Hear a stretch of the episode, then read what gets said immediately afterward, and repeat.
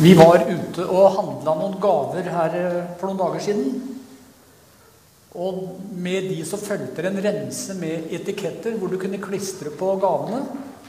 Og på de etikettene sto det 'noe å glede seg over'. Det var da tenkt at det skulle klistres på pakka, og de som får den, skulle ha noe å glede seg over. Når jeg så det, så tenkte jeg at det her kunne være en hel tale om. Og dere som er her nå, og også dere som sitter hjemme eller hører andre steder, hvis dere tenker dere om, kan dere ha to ting som dere har noe å være glad for. Og I 1. Johannes 5,13 så står det, står det Dette har jeg skrevet til dere for at dere skal ha evig liv, dere som, altså som tror på meg. Dere som tror på Guds sønns navn, og det er Jesus. Og det er jo noe å glede seg over. Og skulle du være til stede eller sitter og hører, og kanskje har kommet litt vekk fra Jesus, eller har lyst til å treffe ham for første gang, da har jeg en sang her.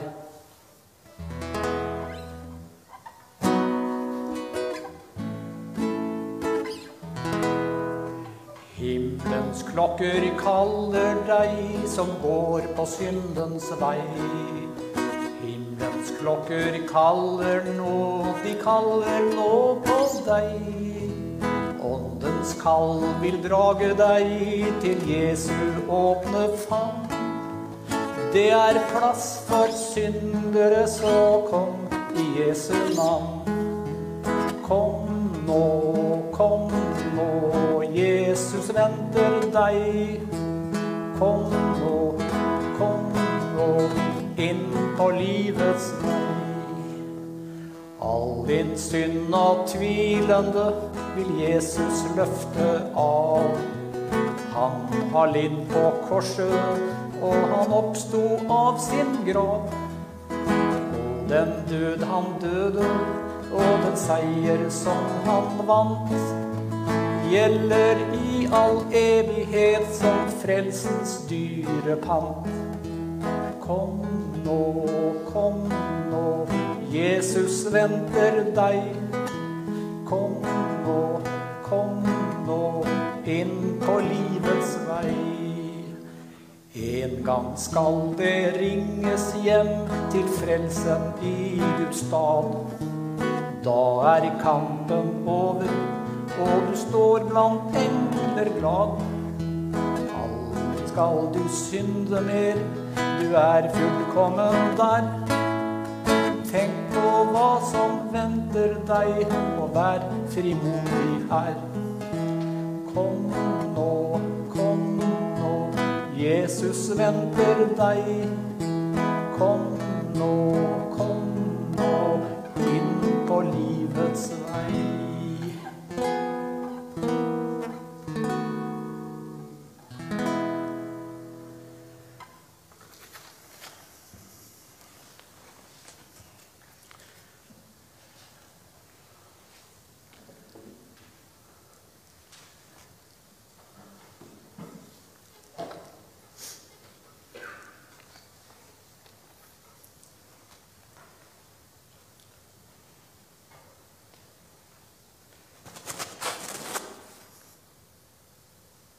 Ja, vi har eh, nå starta på et nytt kirkeår som begynte første søndag i advent. I dag, på annen juledag Den har vært, eh, som heter Stefanusdagen. Det har den eh, blitt kalt fra gammelt av. Ja, denne dag har visstnok blitt stifta som kirkedag fra ca. år 380. Altså har den blitt feira blant kristne eh, for over 1600 år siden. Stefanus var en av de sju første diakonene som ble valgt av den første kristne menighet som starta opp etter Jesu død, oppstandelse og himmelfart. Altså, han eh, ble den kristne kirkes første martyr. Og han hørte også med til den eh, gresktalende delen av menigheten. Og vi snakker ofte om den første kristne kirke, og det blir vanligvis regna fram til år 200. La oss be. Allmektige Gud, du som har lovt å være med dine vitner, vi takker for alle dem som under motstand og forfølgelse var og er tro mot evangeliet, ja, like inntil døden noen ganger. Vi ber deg, Herre, vær med hos alle dem som må lide for ditt navns skyld, som sitter i fengsler, i fangeleire, utenforskap, som vi hørte om, eller annen forfølgelse og vanære. Gi oss å holde fast på den gode bekjennelse om hvem du er. Og vi ber også om eh, at du vil være med våre motstandere og vi ber om velsignelse for ditt folk Israel, som også er pressa hardt i disse dager. Kjære Gud, dette ved din Sønn Jesus Kristus, vår Herre, som med deg og Den hellige ånd lever og råder. Ja, du er en sann Gud ifra evighet og til evighet. Vi leser dagens tekst, som står hos Johannes, Johannes 16, vers 1-4. Dette har jeg talt til dere for at dere ikke skal ta anstøt. De skal utstøte dere fra synagogene. Det kommer en tid da hver den som slår dere i hjel, skal tro at han gjør Gud en dyrkelse. Og dette skal de gjøre fordi de ikke kjenner Faderen, og heller ikke meg. Men dette har jeg talt til dere for at dere, når timen kommer, skal minnes at jeg sa dere det. Men dette sa jeg dere ikke fra begynnelsen, fordi jeg var hos dere. Eh, for å få litt mer sammenheng så leser jeg fire vers til. Vers 5-8. Dette handler om eh, at vi skal få Den hellige ånd, annet. Nå går jeg bort til Han som har sendt meg, og ingen av dere spør meg, hvor går du hen? Men fordi jeg har sagt dere dette, har dere, deres sorg fylt deres hjerter. Men jeg sier dere sannheten. Det er til gagn for dere at jeg går bort. For dersom jeg ikke går bort, kommer ikke talsmannen til dere. Men går jeg bort, da skal jeg sende han til dere. Og når han kommer, skal han overbevise verden om synd, rettferdighet og dom. Ja, det er lite igjen av julekosen i bibeltekstene for i dag. Progresjonskurven er ganske bratt i de tekstene som hører til jula. Vi har julaften, første juledag, og annen juledag. Julaften med barn i krybben, fokus på Gud som menneske, tross fattigdom og fødsel i en stall og krybbe som seng, så blir dette framstilt som en, ofte en idyll kombinert med våre juletradisjoner og forventninger. Så kommer vi til første juledag, som vi hadde i går. Der har Johannes skrella vekk det som har med julefeiring i sin variant av juleevangeliet, som vi også kaller Johannesprologen. Den lyder som kjent Vi hørte jo om den faktisk i går. I begynnelsen var Ordet, og Ordet var hos Gud, og Ordet var Gud. Og Ordet ble kjød og tok bolig iblant oss, og vi så Hans herlighet, en herlighet som den en, enbåren sønn har av sin far, full av nåde og sannhet. Og så er det annen juledag, da, som vi er på nå. Denne dag har en helt annen vinkling på kristenlivet vårt, som også vi hørte om i innledningen her. Stefanus og de fleste av disiplene fikk virkelig oppleve det som Jesus hadde forberedt dem på. I prekenteksten som vi akkurat hørte,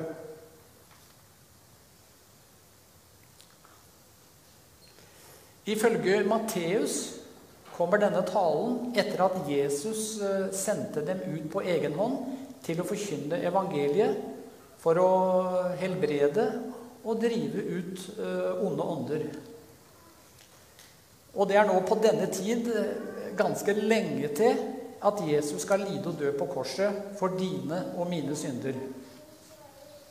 Man kan lure på om disiplene virkelig forsto det som Jesus forklarte dem, når han forbereder dem, dem på tilstander som vil møte dem,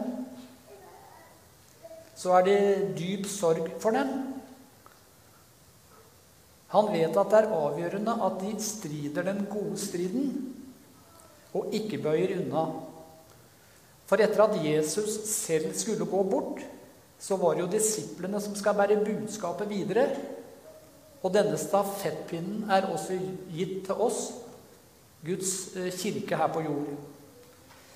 Derfor minner han om Den hellige ånd, vår trøster og vår talsmann og rettleder i troen, i de versene som jeg valgte å ta med ekstra for prekenteksten. Kjære dere, vi liker ikke å høre dette, men virkeligheten er den at martyrenes blod er kirkens såkorn, blant andre ting. Det utrolige skjer ved martyrenes tro. Og når eh, folk må lide og faktisk dø for Kristi skyld, så kommer det millioner av mennesker til tro på Bibelens Gud i dag. Men visstnok her i Europa så er det mange som forkaster Jesus. Store vekkelser skjer i Kina, Russland, Afrika, Iran og USA og andre steder i verden. Mange steder under stor forfølgelse. Jeg har lyst til å gi dere en liten eh, lekse eh, til de som har tid, og lese kapittel 7 om Stefanus i apostlenes gjerninger. Eh, og dette er den lengste forsvarstalen som står i, i åpenbaringen. Den er meget godt presentert av Stefanus også veldig godt gjengitt av Lukas, legen Lukas, som har skrevet apostlenes gjerninger i Bibelen. Det er interessant å se at Stefanus ikke legger fingrene imellom når han framlegger budskapet sitt. Dette for de ledende herrer i eh, Jerusalem, da, etter at han blei arrestert og da etter falske vitners anklager. Han gir dem en lekse i Skriftene om jødenes historie og det som peker fram mot Jesus, faktisk mange hundre år før Jesus kom til verden, og som tilhørerne ikke trodde var den lovede Messias. Han står frem og får fram at folket har drept profetene, og nå til sist den rettferdige som skulle komme, og de som hadde ventet på Messias Jesus, de så nå at Jesus var tatt av dage. Det er verdt å merke seg at apostelen Paulus han var en pådriver ved denne hendelsen, denne arrestasjonen. Og han var visstnok til stede også da Stefanus ble steinet. Men dette var før han traff Gud og ble omvendt. Stefanus han leflet ikke akkurat med tilhørerne. Han er ikke opptatt av å tilpasse budskapet slik at det kan gli lett ned. Tvert imot. Han gir dem noe de setter rett i vrangstrupen.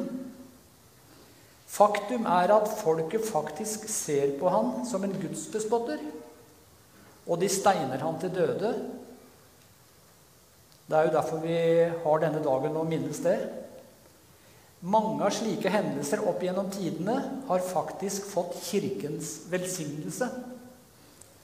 En lignende hendelse fikk også Johan Huss gjennomgå.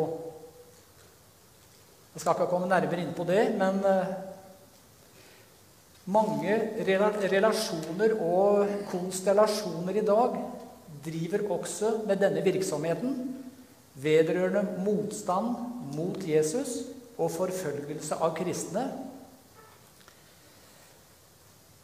Temaene og tekstene nå for i dag på Stefanusdagen må vel kunne sies å gå under kategorien tekster som lugger. Som en foreleser på et forkynnerseminar uttrykket seg. Denne teksten, den vil jeg tro lugger både dere og meg. Dette selv om vi feirer jul. På bibeltimen her 1. desember så ble det nevnt at Stefanusdagen, annen juledag, er realismen. Her er det det som forkynnes. Altså virkeligheten. Dagens virkelighet. Derfor, så vi som står i denne tjenesten, vi kan jo ikke hoppe bukk over disse tekstene som lugger i kirkeåret. Bibelen forkynner både lov og evangelium, tro og forfølgelse. Dette er noe som apostelen Paulus fikk erfare. Dette etter et kraftig møte med Gud, vår Herre. Han fikk oppleve evangeliet som en frelsende tro i Jesus Kristus. Bibelen beskriver at Stefanus talte drevet av Den hellige ånd. Det står at også da de hørte dette, stakk de dem i hjertet. Det var de da som hørte på. Og faktisk så står det at de skar tenner mot ham. Dette minner om dårlig samvittighet. Når det gjelder forkynnelsen i dag av Guds ord, så ser vi også nå i store deler av verden at det kan skape forvirring for mange. For min del er jeg bekymret for en kirke som er opptatt av å være politisk korrekt. Vil si en samfunnsorientert kirke som vil tale folkets vilje for enhver pris. Faktisk vilje til å snu kappa etter vinden, som vi sier, og fjerne det som oppfattes som anstøtelig for enkelte da. Man kan si at det blir et utvannet budskap i en utydelig kirke. Men jeg vil også presisere at ikke alt er galt. Men vi ser i dag at det er strømninger som vil dra kirka i en sekulær eller verslig retning. Jeg vil heie på den kirke som tør å forkynne at foran den levende Gud må du tørre å bekjenne din synd. Ja, faktisk må vi alle bekjenne at vi er syndere som trenger nåde. Og samtidig må vi fortelle at om dine synder er røde som skarlagen, skal de bli hvite som snø. Og samtidig må vi fortelle at vi er dyrekjøpt i Jesu blod. Han har løst oss ut, og han har satt oss fri for de som vil ta imot Jesus. Jeg heier på en forkynnelse som ikke bare sier 'Heller ikke jeg fordømmer deg', men som også tør å si 'Gå bort og synd ikke mer'. Johannes 8,11. Jeg vil tro på en kirke som løfter fram det eksklusive ved Jesu øh, lære, det kristne budskapet, som bekjenner Jesus. Det eksklusive her er at veien, sannheten og livet, det er Jesus. Den eneste vei til Gud, og ikke en vei blant mange. Det er faktisk ikke alt som fører fram til en evig salighet hjemme hos Gud. Jeg prioriterer også en kirke som tør å si at livet kan ha to utganger. Dette kan jeg si for at Jesus selv har sagt det ved flere anledninger. Og hvis vi ikke tror Jesu ord, hvordan kan vi da være hans etterfølgere? La oss stå sammen om å tro at Bibelen er Guds ord til oss. Denne konklusjonen kan man faktisk ikke diskutere seg fram til. Men Den hellige ånd vil overbevise en kristen om dette. Den hellige ånds oppgave det er ikke å bevise noen som helst ting for verden. Men Åndens oppgave det er å overbevise oss som tror. Fordi bevis omfatter bare det som vår forstand kan begripe. Derfor er troen det viktigste i vår kristendom, som mange av oss husker fra vår barnelærdom. Når det gjelder å overbevise, kan en si at dette er en sak for hjertet.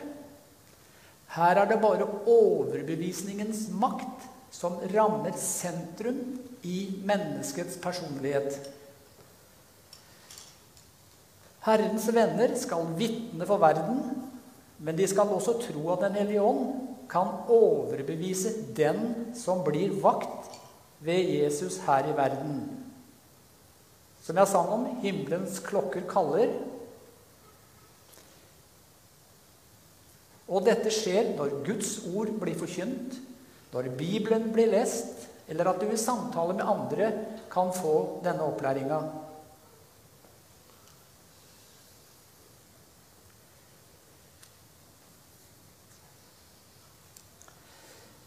Det er også en del eh, ting som må øh, presiseres. Vi vet at ingen kirke eller ingen personer, verken nå eller tidligere, har vært eller er ufeilbarlige. Alle har hatt sine feil og svakheter, vil jeg tro. Jeg behøver ikke å gå lenger enn til meg sjøl for å erkjenne feil, svakheter og synder. Det er nok mange ting som vi kunne ønske hadde vært gjort annerledes, eller helst ugjort. Måtte Herren tilgi oss alle disse synder og rettlede oss på veien videre. Denne hjelp til å minne oss er også en viktig del av Den hellige ånds gjøremål. Eller for å si det på en litt uh, mer daglig måte Den hellige ånds stillingsbeskrivelse for deg.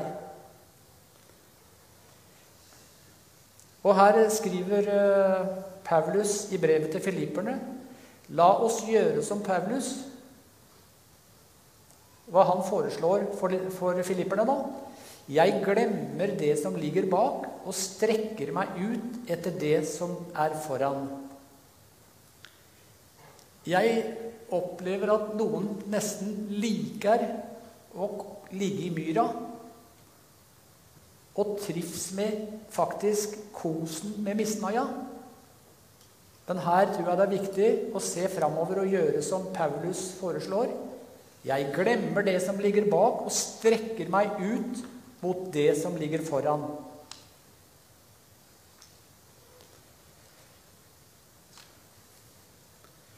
For oss i vår del av verden kan det være vanskelig å ta til seg et slikt budskap som dagens tekst beskriver.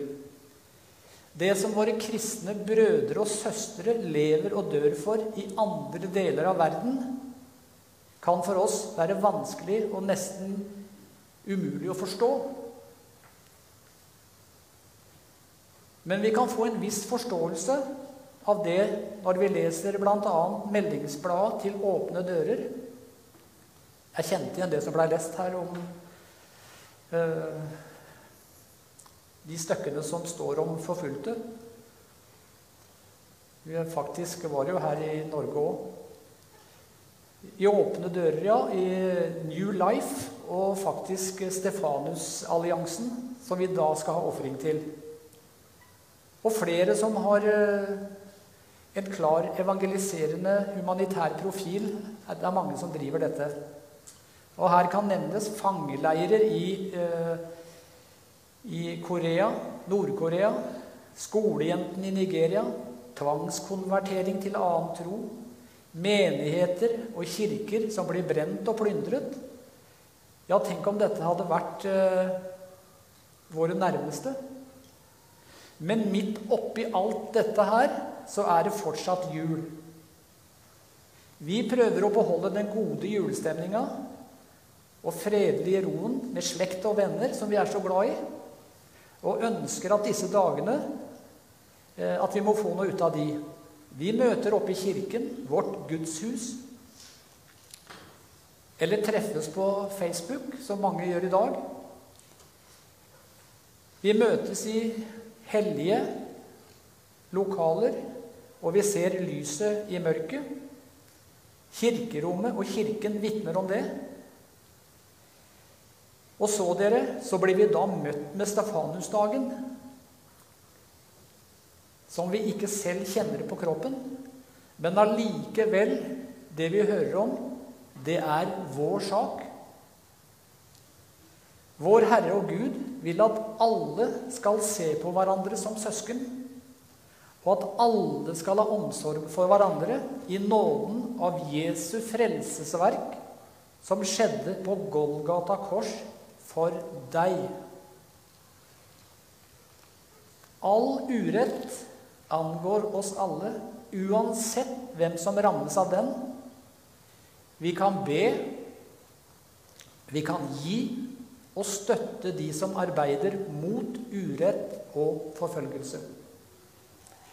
Jesus ble født til vår jord, og dette er det verdt å feire også nå i jula. Han har stilt oss under de samme kår som seg sjøl. Vi er gitt barnekår hos vår Far i himmelen, faktisk med arverett Himmelen som Stefanus fikk et glimt av, sto åpen rett før han døde. Denne himmelen har vi arverett på.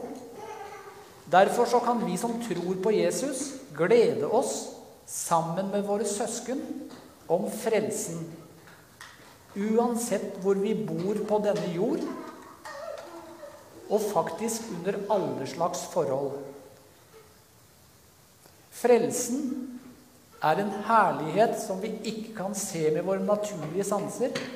Men vi som eier troen på Guds løfter, som nevnt, kan lese Romerne 8,17.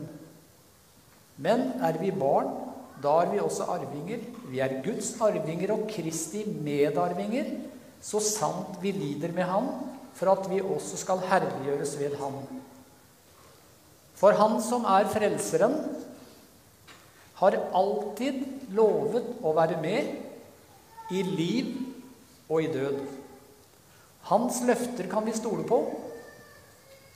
Som det står flere steder i Bibelen Den som holder ut inntil enden, skal bli frelst. All takk og ære til Gud, Fader, Sønn og Hellig Ånd, nå og alltid og i all evighet. Amen.